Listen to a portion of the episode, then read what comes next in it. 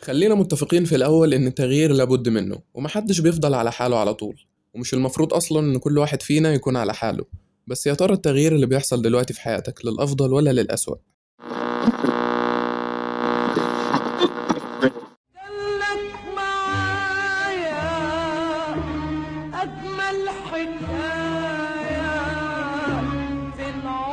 بقولك إيه حضر قهوتك وتعالى عندي ليك موضوع مهم.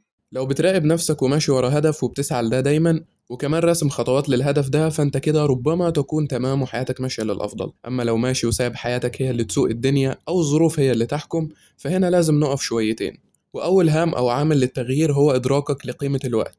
خليك مدرك دايما قيمة الوقت بتاعك وده مش هيحصل إلا لما تلاقي قيمة فعلا لحياتك اللي أنت عايشها. بمعنى وقتك وحياتك غاليين جدا وحياتك وعمرك اللي بيروح مفيش أهم منهم. فلازم تكون مدرك أهمية الوقت في حياتك وأنت المسؤول الأول والأخير عن ده. بعد ما أدركت أهمية الوقت ده أظن مفيش داعي للتفكير في الماضي أو الخوف من المستقبل. التفكير اللي من النوع ده بيأخرك مش بيقدمك. فكون على يقين إن الانغماس في التفكير ده شيء مرهق جدا وغير مجدي بالمرة. ومن هنا هنروح للعامل الثالث ألا وهو أنا بجري ليه وبجري من مين؟ السؤال ده مهم أوي بصراحة لأن معظم الناس عندها هوس السباق وإنه لازم يعمل كل حاجة في وقت قياسي كمان. وده للأسف بيحطك تحت ضغط كبير جدا وبتحط نفسك في لود أنت في غنى عنه أصلا وملوش أي لازمة. أنت سباقك الحقيقي مع نفسك مش مع حد تاني. عشان كده ركز في رحلتك أنت وقارن نفسك بنفسك. أظن دي أفضل مقارنة مثمرة وتعود دايما إنك تعمل كل حاجة يكون ليها نتيجة وعائد ليك مثمر. يعني بلاش تبص أو تتطرق لمقارنات من نوعية تانية.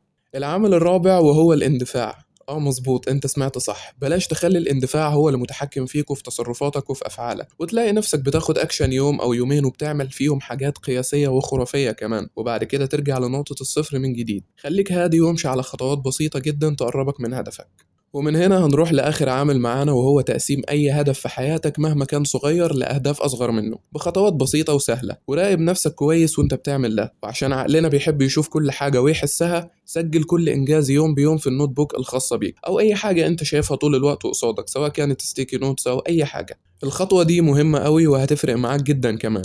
لأنك بالشكل ده بتعود نفسك على التخطيط المستمر ودي أهم مهارة لازم تكون عندنا كلنا لأن حقيقي أي خطوة بتتعمل بدون تخطيط فهي تخطيط للفشل وبس كده.